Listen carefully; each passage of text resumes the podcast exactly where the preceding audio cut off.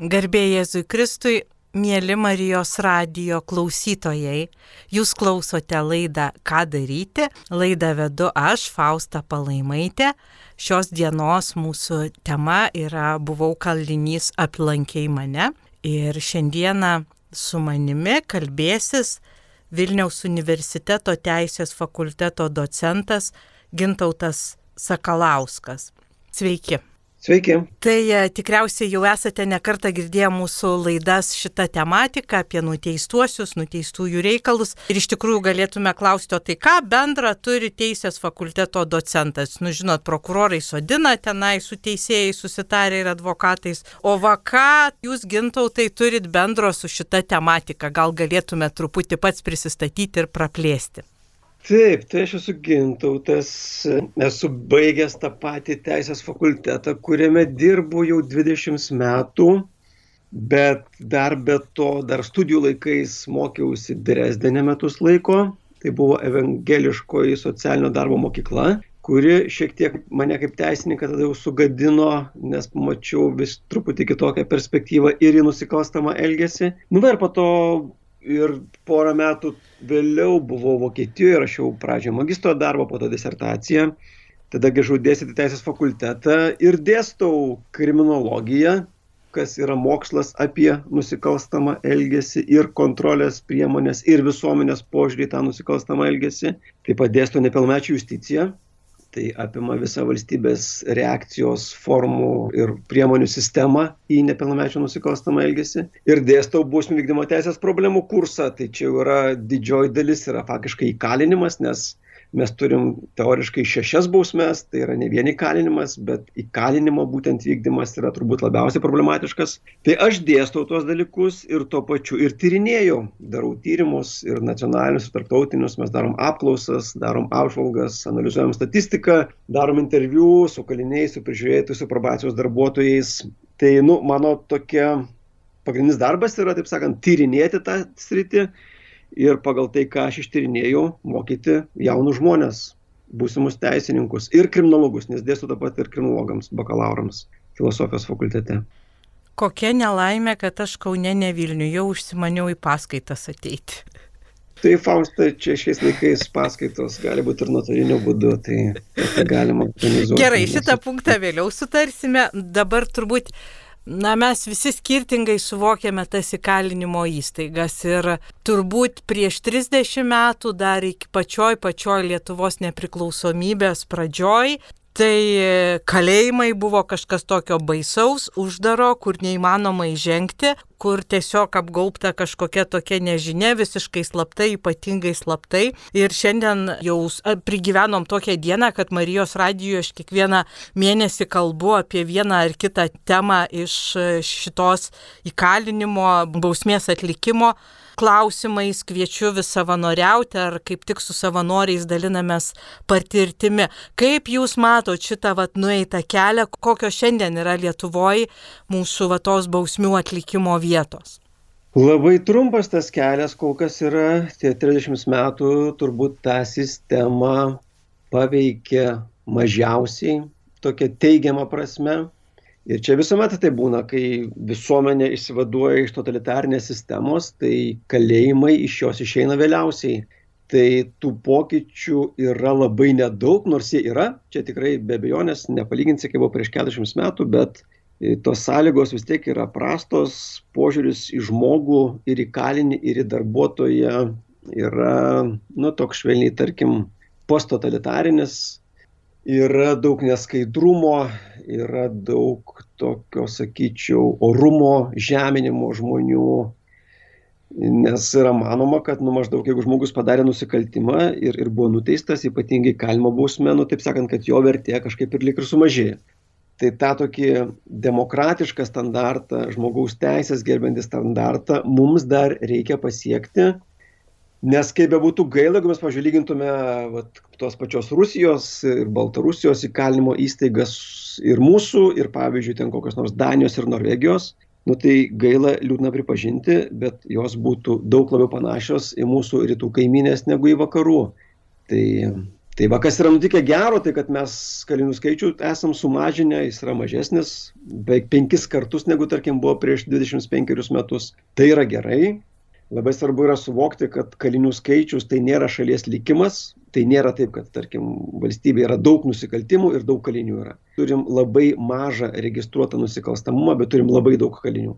Tai rodo ir mūsų tokia nu represyvė politika, kad mes vis dar daug taikom laisvės atimimo ir taikom jį ilgam laikui. Tai va tokie esam dar tokio ilgoj kelioniai ir tokie, man atrodo, esminiai lūžiai, tokie tektoniniai lūžiai toj sistemoje dėje, bet nėra įvykę dar. Mes, kadangi neteisės fakultete dabar, tai gal vis dėlto norėčiau paprašyti praplėsti paprastiem mirtingiem žmonėm, kurie nesusipažinę nei su bausmių vykdymo kodeksu, nei su galimais ten tais, kokios tos bausmės gali būti taikomos, tiesiog praplėsti, kokie yra būdai vat, reaguoti į nusikaltimus, nes kažkaip tai noras tas yra būtinai įkišti kalėjimą ir iš visuomenės turbūt pusės ir turbūt nelabai suvokimas, o o ką tuo pasiekiam. Tai jeigu taip įsivaizduotumėt žmogų, kuris visai neturėjęs reikalų, nepažinęs, vad kaip galėtumėt kuo paprasčiau paaiškinti alternatyves priemonės ir rezultatus, vad įkalinimo, kas, kas po to tikimasi, kad būtų ir kas iš tikrųjų būna tada.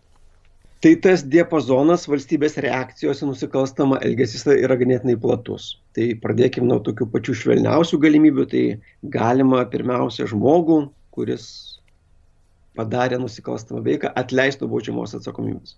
Kai kas tai laiko tokiu išsusikimu nuo atsakomybės, kažkas, tai reiškia, tokiu, reiškia, malonė ar kažkokiu labai švelniu valstybės, reiškia, reakcijos pobūdžiu, taip iš tiesų nėra. Jeigu iš tiesų yra nesunkiai nusikalstama veika ar netgi apysunkia, žmogų galima atleisti, pavyzdžiui, susitaikius su auka, arba pagal laidavimą, arba kitais pagrindais. Tai va iš maždaug 25 tūkstančių asmenų, kurie kasmet Lietuvoje yra kaltinami nusikalstamų veikų padarimu, maždaug 20 procentų, penktadalis yra atleidžiami nuo baudžiamos atsakomybės, dažniausiai pagal susitaikymą. Tada mes turim šešias bausmes, tai yra viešiai darbai, tai yra bauda, tai yra laisvės apribojimas, kai žmogus lieka namie, bet tiesiog yra tam tikri įpareigojimai ir draudimai jam taikomi. Ir po to turim tris bausmes, kurios faktiškai galima būti vadinamos laisvės atimimu, nors jos yra savarankiškos. Tai yra arešto bausmė nuo 10 dienų iki 3 mėnesių, laisvės atimimas nuo 3 mėnesių iki 20 metų ir galiausiai laisvės atimimas iki gyvos galvos už pačius sunkiausius nusikaltimus susijusius dažniausiai su nužudimais. Tai va, tai yra, taip sakant, šešto bausmė. Plus mes dar turim probaciją, tai yra tokia vidutinio sunkumo priemonė, kai galima atidėti arba arešto bausmės vykdymą, arba laisvės atimimo bausmės vykdymą, arba jų dalį. Ne, tai va, faktiškai toks, nu kiek čia, galima sakyti, šešios bausmės, atleidimas nuo baudžiamos atsakomybės ir probacija, tai va, tarkim, aštuonios reakcijos formos, nuo pačios lengviausios intervencijos iki pačios sunkiausios. Bet minėjau, kad atleidimas maždaug apie 20 procentų baudžiamos atsakomybės, laisvės atimimas kartu su arešto bausme sudaro daugiau, maždaug 25 procentus. Tai reiškia žmonių, kurie yra kaltinami nusikalstamų veikų padarimu, maždaug kas penktas, kas ketvirtas galiausiai keliauja į kažkokias uždaras įstaigas. Atlikti arba arešto bausmės, arba laisvės atimimo bausmės, arba keletas žmonių per metus būna, kuriem yra paskiriamas ir laisvės atimas iki gyvos galvos. Čia vėlgi ką reikėtų pasakyti, kad šiais laikais iki gyvos galvos nereiškia iki žmogaus mirties.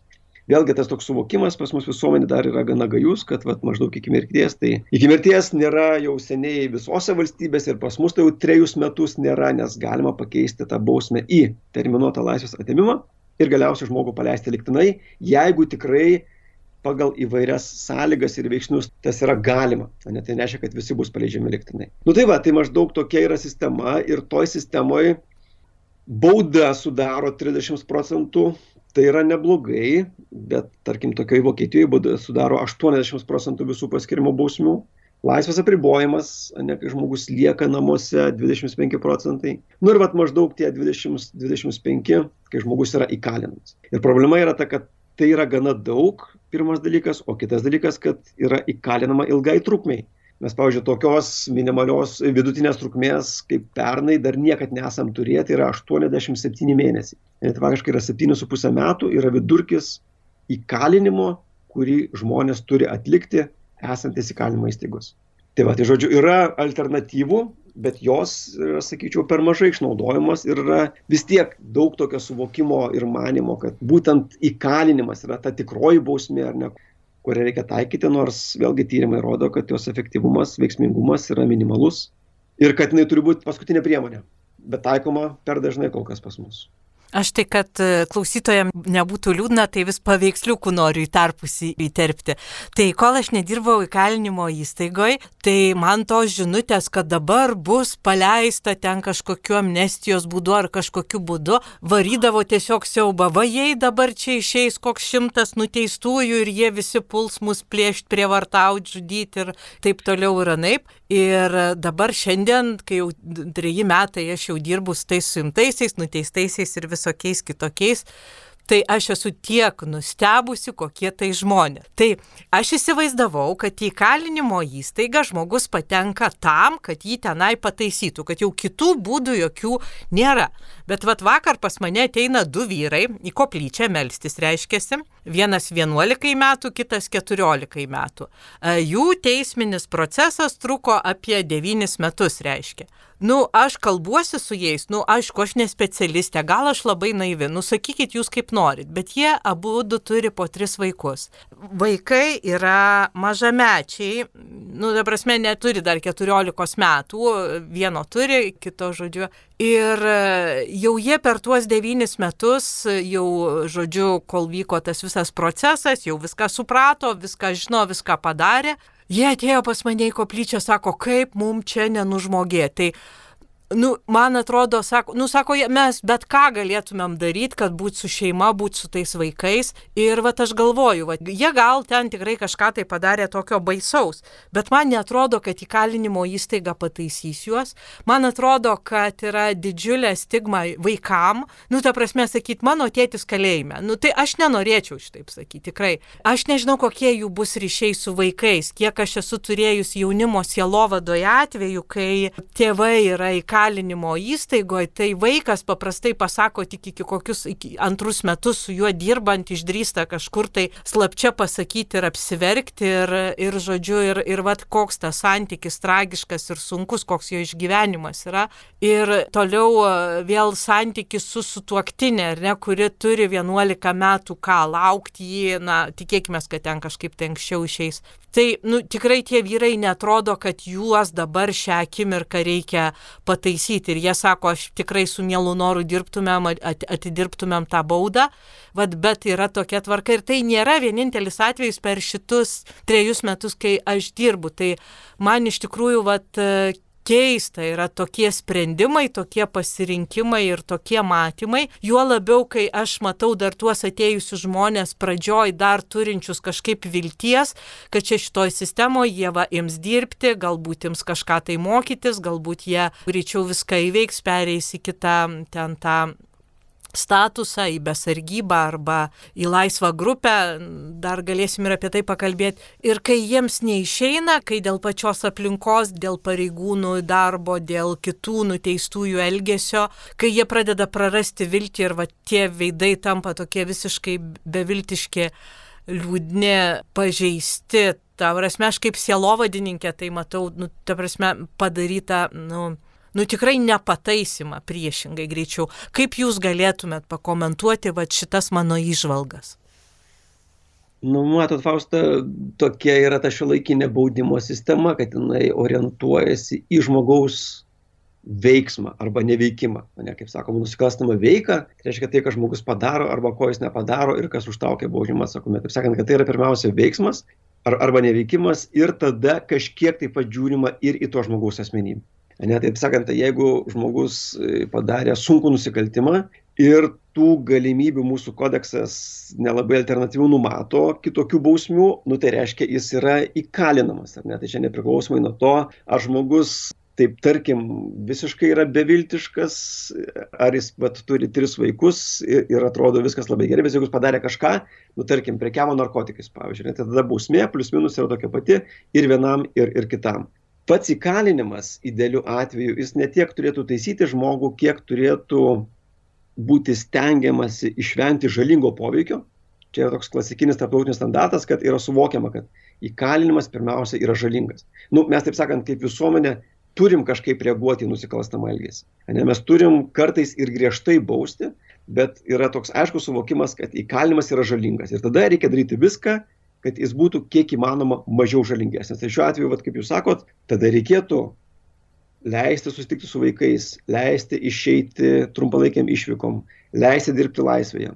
Ne, anksčiau paleisti liktinai, jeigu tas yra įmanoma. Ir panašiai, taip sakant, nustengtis, kad žmogus neprarastų tų įgūdžių, kuriuos turėjo ir kad galėtų nenusikalsdamas gyventi visuomenėje po bausmės atlikimo. Tai toks yra mūsų teoriškai įkalinimo tikslas, bet praktiškai tai aišku, kad yra šiek tiek kitaip ir dėl to yra, yra liūdna. Ir tas, man atrodo, nu, labai yra priklauso nuo tokio kertinio suvokimo, kas yra nusikaltęs žmogus. Ką yra svarbu suvokti, kad, nu ir vėlgi, čia Kristus nebereikalas sako, ar ne, buvo kalinys mane aplankėt. Tai reiškia, nu jis mato tą tokią sisteminę, reiškia, aspektą, kad nėra visuomenės be nusikaltimų ir be nusikaltėlių ir be nusikalstamų veikų. Ir kad mes vat, iš tos sovietinės sistemos dar esame labai stipriai paveldėję tokį požiūrį, kad žmogus, kuris nusikalto, yra kažkoks už ribos, yra kažkoks kitoks, yra kažkoks mažiau vertas, yra kažkoks už sistemos ribų. Jis nėra už sistemos ribų, jis yra lygiai toks pa žmogus. Ir mes kaip visuomenė taip turim reaguoti į nusikalstamą elgesį, bet jo nenurašyti. Ir nemanyti, kad tie, kurie yra kalėjime, yra patys pavojingiausi. Patys pavojingiausi nusikaltėliai vaikšto laisvėje ir niekada nebūna įkalinami, tą labai svarbu yra suprasti. Ir kai tą supranti, tada nu, tas požiūris kažkiek jis keičiasi į tos žmonės. Bet aišku, tie žmonės, kurie girdi tik tai per radiją, tik tai per televiziją apie kalėjimus ir dažniausiai iš blogos pusės, nu, jie formuoja tam tikrą įvaizdį savo galvoj, nu, kurį po to kažkaip um, pakeisti yra labai sudėtinga. Tai va, čia aš gal pasakyčiau irgi man iš tos tokios religinės patirties, va, aš Matulaičio parapijos Vilniuje jaunimo esu, tai mes 95-96 metais turėjom tokių vizitų į Vilniaus pataisos namus. Tuo metu Aušvidas Belickas ten buvo kapelionas. Ir mes žaiddavom krepšinį ir, ir po to dalyvaudavom ir mišiose, ir gerdavom čia fyrą irgi po jų ir panašiai. Ir po to, va tas dar, man būnant studentu, man tą požiūrį labai stipriai pakeitė. Kai tu matai, kad tai tikrai yra žmonės. Ne?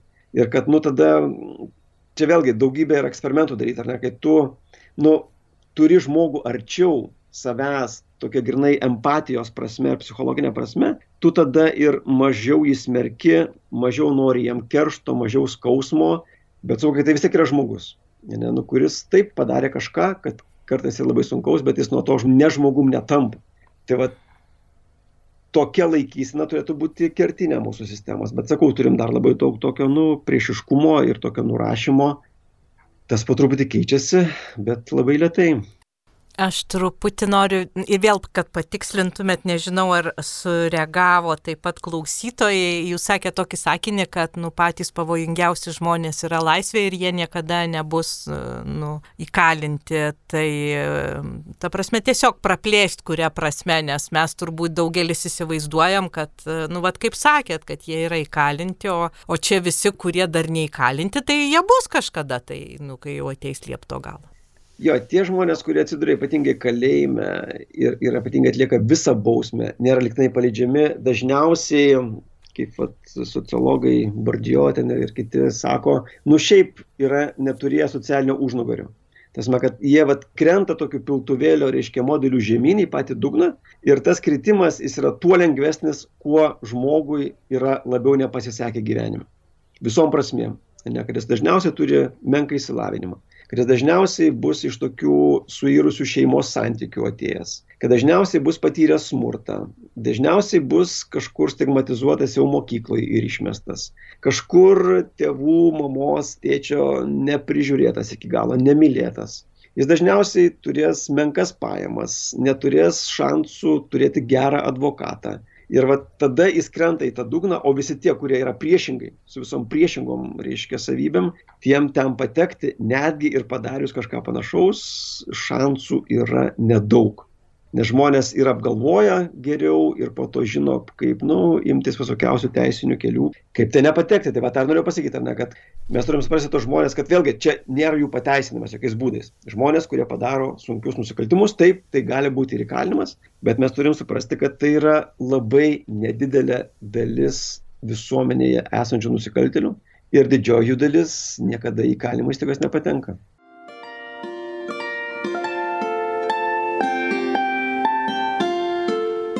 Jūs girdite Marijos radiją.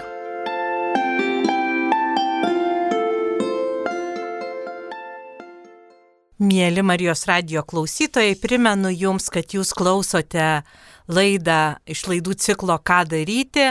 Šios dienos tema yra Buvau kalinys aplankiai mane. Laidą vedu aš Fausta Palaimaitė ir kalbinu Vilniaus universiteto teisės fakulteto docentą Gintautą Sakalauską pratesdama mintį apie tuos du žmonės, vat, su kuriais mes kalbėjome e, kaip tik apie jų šeimas, tai man tiesiog, vat, kalbant, kilo toksai labai didelis noras ir paskatinimas, paraginimas visiems klausytojams, jeigu jūs žinote, kad kažkas tai vat, yra artimieji nuteisto žmogaus, kad iš tikrųjų jiem be galo reikia jūsų palaikymo, pastiprinimo ir mamos, pavyzdžiui, tų žmonių. Na, jos ir taip išgyvena didžiulį sunkumą, didžiulį kaltės jausmą, klausia, o ką aš padariau, kad mano vaikas toks. Ir e, dar jeigu gauna ir iš aplinkinių tokį klausimą, nu, kas, kas tu per žmogus ir, ir ką tu padarai, tai iš tikrųjų mes tampam ne tie e, Simonai Kireniečiai, kurie padedam panešti kryžių, bet tie, kur nu, parbloškiam jau paskutinę akimirką žmonės. Tai aš labai kviečiu jūs iš tikrųjų būti tie, kurie suprantate, kurie palaikote tuos žmonės, kurie, jeigu jūs turit pažįstamų žmonių įkalinimo įstaigose, nu parašykit jiems laišką. Taip, iš tikrųjų, kai kurie yra linkę išnaudoti, prašyti, reikalauti pinigų. Jeigu galite kažkiek tai tų pinigų tikrai jiems reikia nusipirkti ir kavos, ir ir batų, ir jeigu nėra kas iš artimesnių atsiunčia. Bet ko jiems labiausiai reikia, tai va tų ryšių laisvėje, kad kažkas tai jų laukia. Ir aš esu girdėjus va vieną žmogų, kuris sakė, kad man paskambino į telefoną, aš atsiliepiau ir man skambina iš kalėjimo ir aš padėjau ragelį greitai. Įsigandau nu, jis irgi tiesiog pasakoja vat, savo tą išgasti. Tai iš tikrųjų, kai mobiliu telefonu iš e, pataisos įstaigos skambina, tai reiškia, kad žmogus turi nu, nelegalų tą telefoną, tačiau galima pereiti į legalų ryšį ir labai protingai palaikyti tuos žmonės, nes aš matau didžiulį skirtumą tarp tų suimtų ir nuteistųjų, kurie turi laisviai, kas jų laukia, turi ko laukti - laiško ar skambučio ar pokalbio ir tie, kurie nieko nebeturi. Tai jie daug dažniau daro nuobaudas, daug dažniau lieka, išeina jiems ten tokie poelgiai, kad ir pratesiama tai bausmėjų. Ir tuo tarpu visi tie, kurie turi žmogų, kuris e, duoda, nu, mes taip vadinam, duoda pasitikėjimą, ne? Aš tikiu, aš tikiu, kad tu išeisi, kad tau pasiseks, jų yra visai kitas elgesys, jų yra visai kit, kita ta vidinė savijauta, nes iš tikrųjų pačioj įstaigoje, nu, nėra tos žinutės daug, kad aš tavimi pasitikiu, kad aš pasitikiu, kad tau pavyks. Tai iš tiesų pagalvokime ir ne tik malda palaikykim tuos žmonės, kad jie pajėgtų grįžti ir pajėgtų gyventi, bet ir, vad jeigu turim, jeigu galim laiškais ir su nepilnamečiais dirbant iš tiesų pastebėjau, kad vienam kitam tikrai būna didžiulis postumis, kai aš surandu va tokį, tokią dvasinę globėją, jau 40 ir daugiau metų moterį, kuri susirašinėja su tuo vaiku, ypatingai su tuo, kuris neturi mamos, ar kurio mama jam nerašo, nes iš tikrųjų tie paaugliai jie neturi su kuo pasikalbėti, išreikštų savo jausmų, savo minčių, savo visų tų pagalvojimų, supratimų ar nesupratimų ir na, yra tokių atvejų, kurie tikrai labai ilgus tuos laiškus ir netgi rašo, aišku, kartais irgi iš, iš to tokio na, pasitikėjimo prašo vieno kito daikto, tai mes jau esam susitarę, kad tų daiktų nesiūs, bet išlaikyti tą vat, emocinį palaikymą ir, na, vat, pas mane atėję į koplyčią jie meldžiasi už savo dvasinę globėją. Tai, žodžiu, nebūtinai reikia dirbti pačioje įstaigoje, kad galėtume aplankyti tą Kristų, kuris yra kalinys. Gintautai, sakykit, kokias dar matot mūsų pagrindinės sistemos problemas? čia kaip Faustas atsakėt, kaip kad žmonės galvoja, kad išeis ar ne ir kas bus. Nu, irgi porą tokių skaičių turiu pasakysiu, kad kasmet išeina maždaug 2000 žmonių iš įkalinimo įstaigų Lietuvoje. Tai čia pastaraisiais metais ir kiekvienais metais. Ir pavyzdžiui, 2000 metais, kai buvo paskelbta ta tikrai vienintelė tikra amnestija buvusi Lietuvoje, išėjo 10 tūkstančių žmonių tik per tuos metus. Kitaip tariant, aš vat, kažkada mėginau skaičiuoti, kad mes vat, nu, tų buvusių kalinių turim šimtą kokį tūkstančių greičiausiai taip, taip be gyvenančių tarp mūsų. Ne, taip sakant, kad tai yra, nu, mes kartais net nu, nesusimastom, kiek jų yra daug. Ne, tokia, nu, baime iš ankstinė jinai, nu, tokia yra labai, man atrodo, neparemta, nu, tokiu realiu suvokimu, kad tai yra mūsų visuomenės realybė. Tai žmonės gyvena ir didžioji dalis jų nedaro naujų nusikaltimų ar ne, ir nenusikalsta. Tai va, o iš tų tokių problemų, tai atvirumas, čia labai svarbu, įkalimo sistemos atvirumas.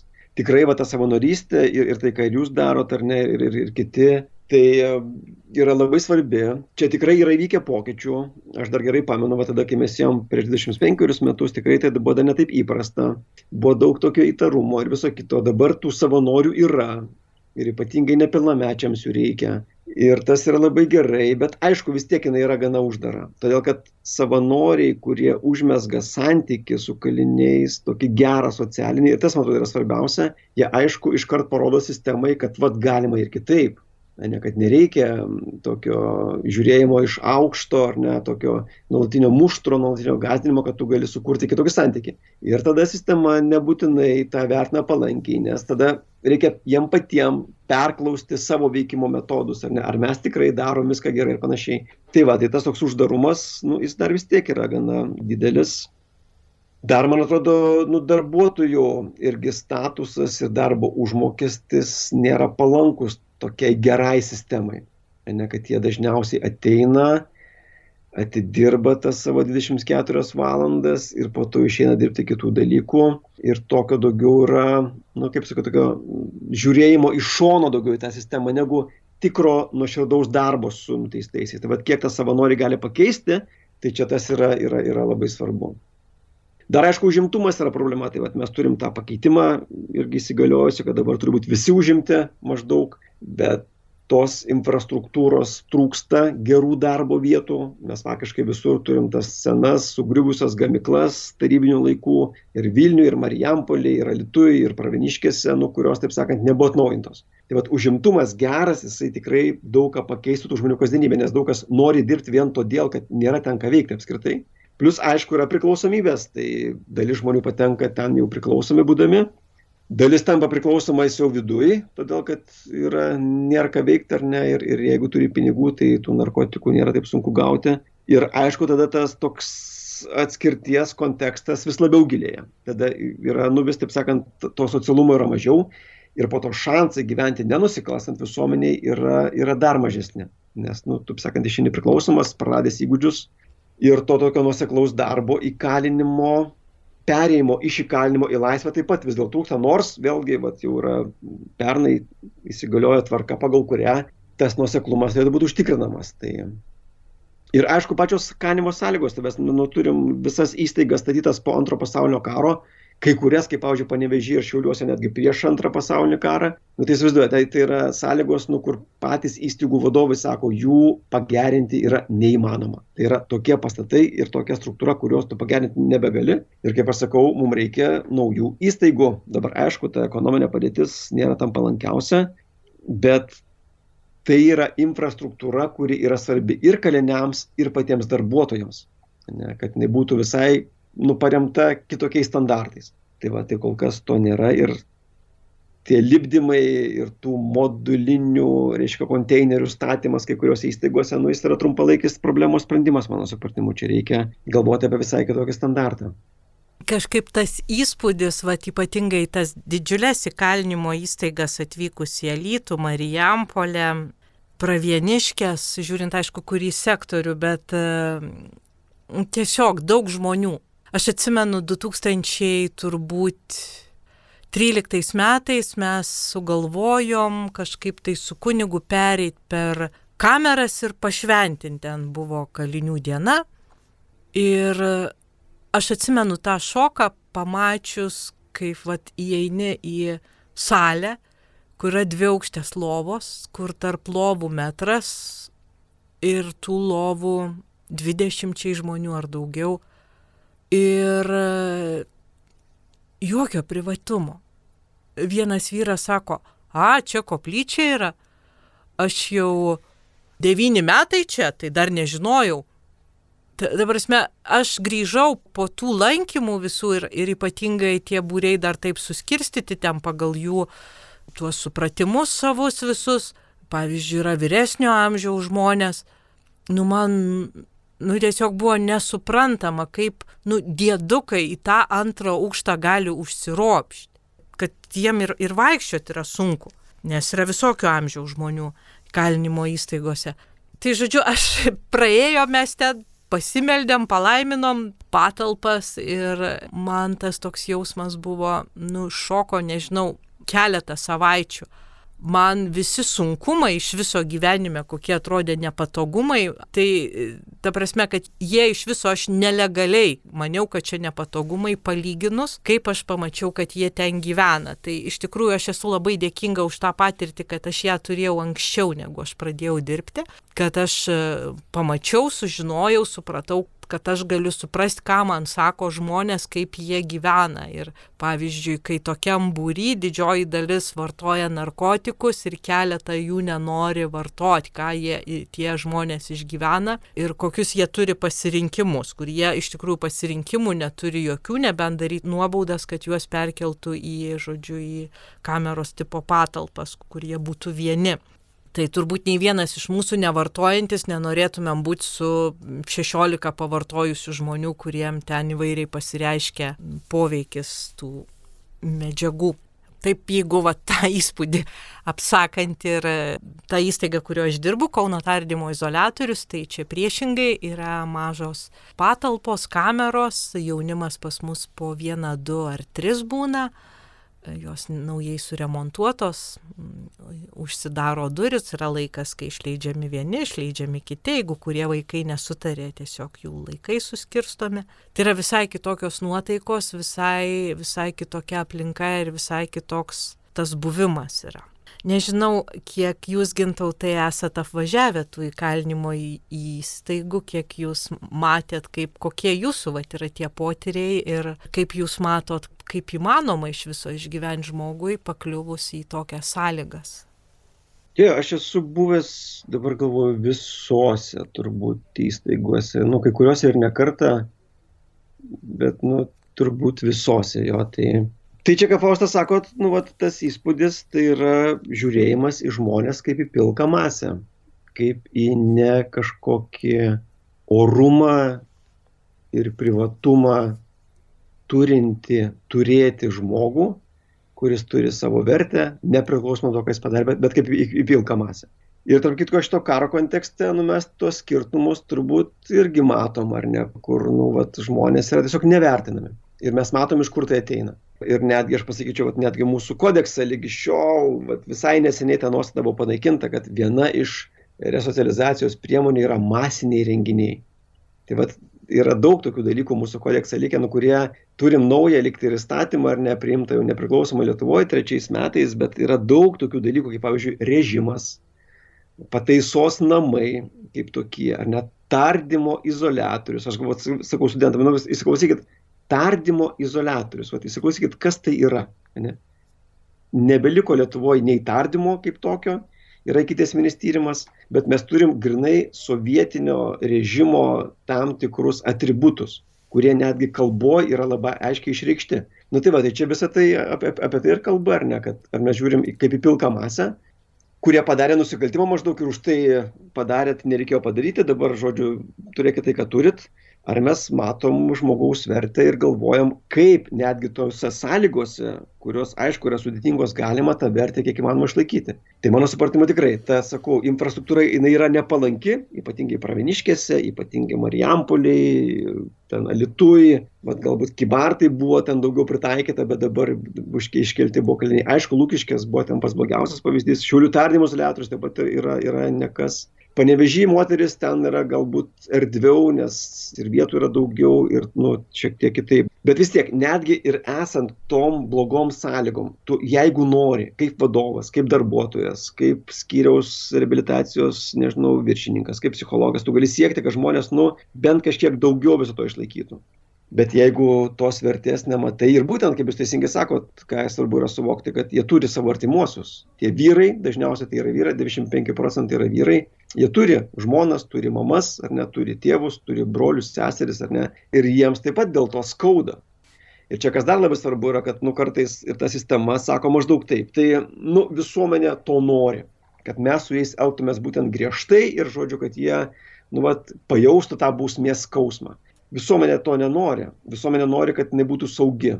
Ir vat, kai tie žmonės yra žeminami toje sistemoje ir po to išeina į laisvę, ir tada jau įkalimo sistema sako viskas, jisai išėjo, čia nebe mūsų reikalas, o tada yra ir po to vėl nusikalsta, tai va to visuomenė tikrai nenori. Ne, tai taip sakant, tai čia toks, nu, kaip pasakyti, apsidraudimas maždaug, kad mes vos nevykdom, reiškia, visuomenės e, tokią, reiškia, suteiktą misiją, jis yra, nu, neteisingas. Mūsų laidos laikas jau visai į pabaigą. Ką dar norėtumėt pasakyti žmogui niekada nebuvusiam įkalinimo įstaigoje? Ką reikėtų žinoti jam?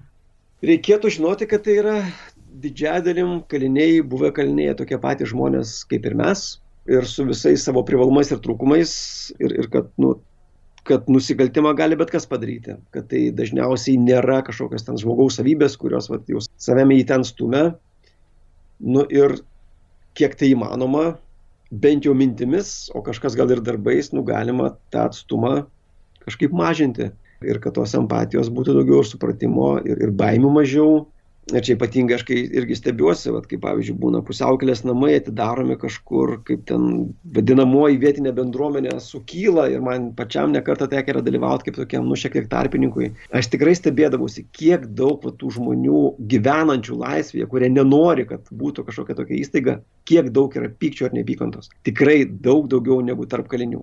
Ir va tas tada man būna tikrai labai apmaudu, kai žmonės, nu, bijo patys nesuprasdami, ko jie bijo ne iš tiesų. Ir priešinasi geriem dalykam ir, nu, įsisuka į tokį pykčio ir nepykantos ratą.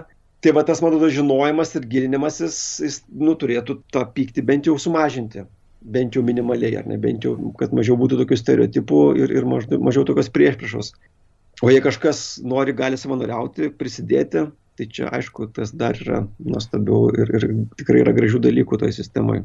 Tarp kitko savanorystės tema, tai aš jau sukūriau mokymus 3 valandų ir visiems, kam noras yra ateiti į įstaigą, padirbėti, tai jeigu dar baisoka, galit man prisiduoti, aš jūs įtrauksiu tuos mokymus, jie vyksta kartą per mėnesį ir jau jūs paklausysit, jums bus žymiai drąsiau, o tenai dar surasit bendraminčių, kurie jau vaikšto, tai bus iš karto labai gerai. O dar vat, žmonėm, kuriems, ką aš norėčiau pasakyti, kurie nebuvę, aš girdėjau tokį komentarą, nu kaip jos įsimyli tuos kalinius. Tai žodžiu, aš dirbu trys metai Ir kadangi aš labai dažnai dirbu, mano individualūs yra susitikimai, labai dažnai būna tam tikras ciklas, pavyzdžiui, aš ruošiu sakramentui žmogų ir būna, sakykime, kiekvieną savaitę, vieną valandą ar 45 minutės aš susitinku su tuo pačiu žmogum. Tai turiu pasakyti, kad mano emociniai santykiai šiuo metu artimiausi yra su nuteistaisiais, nes su jokiu žmogum aš kiekvieną savaitę po vieną valandą nekalbu.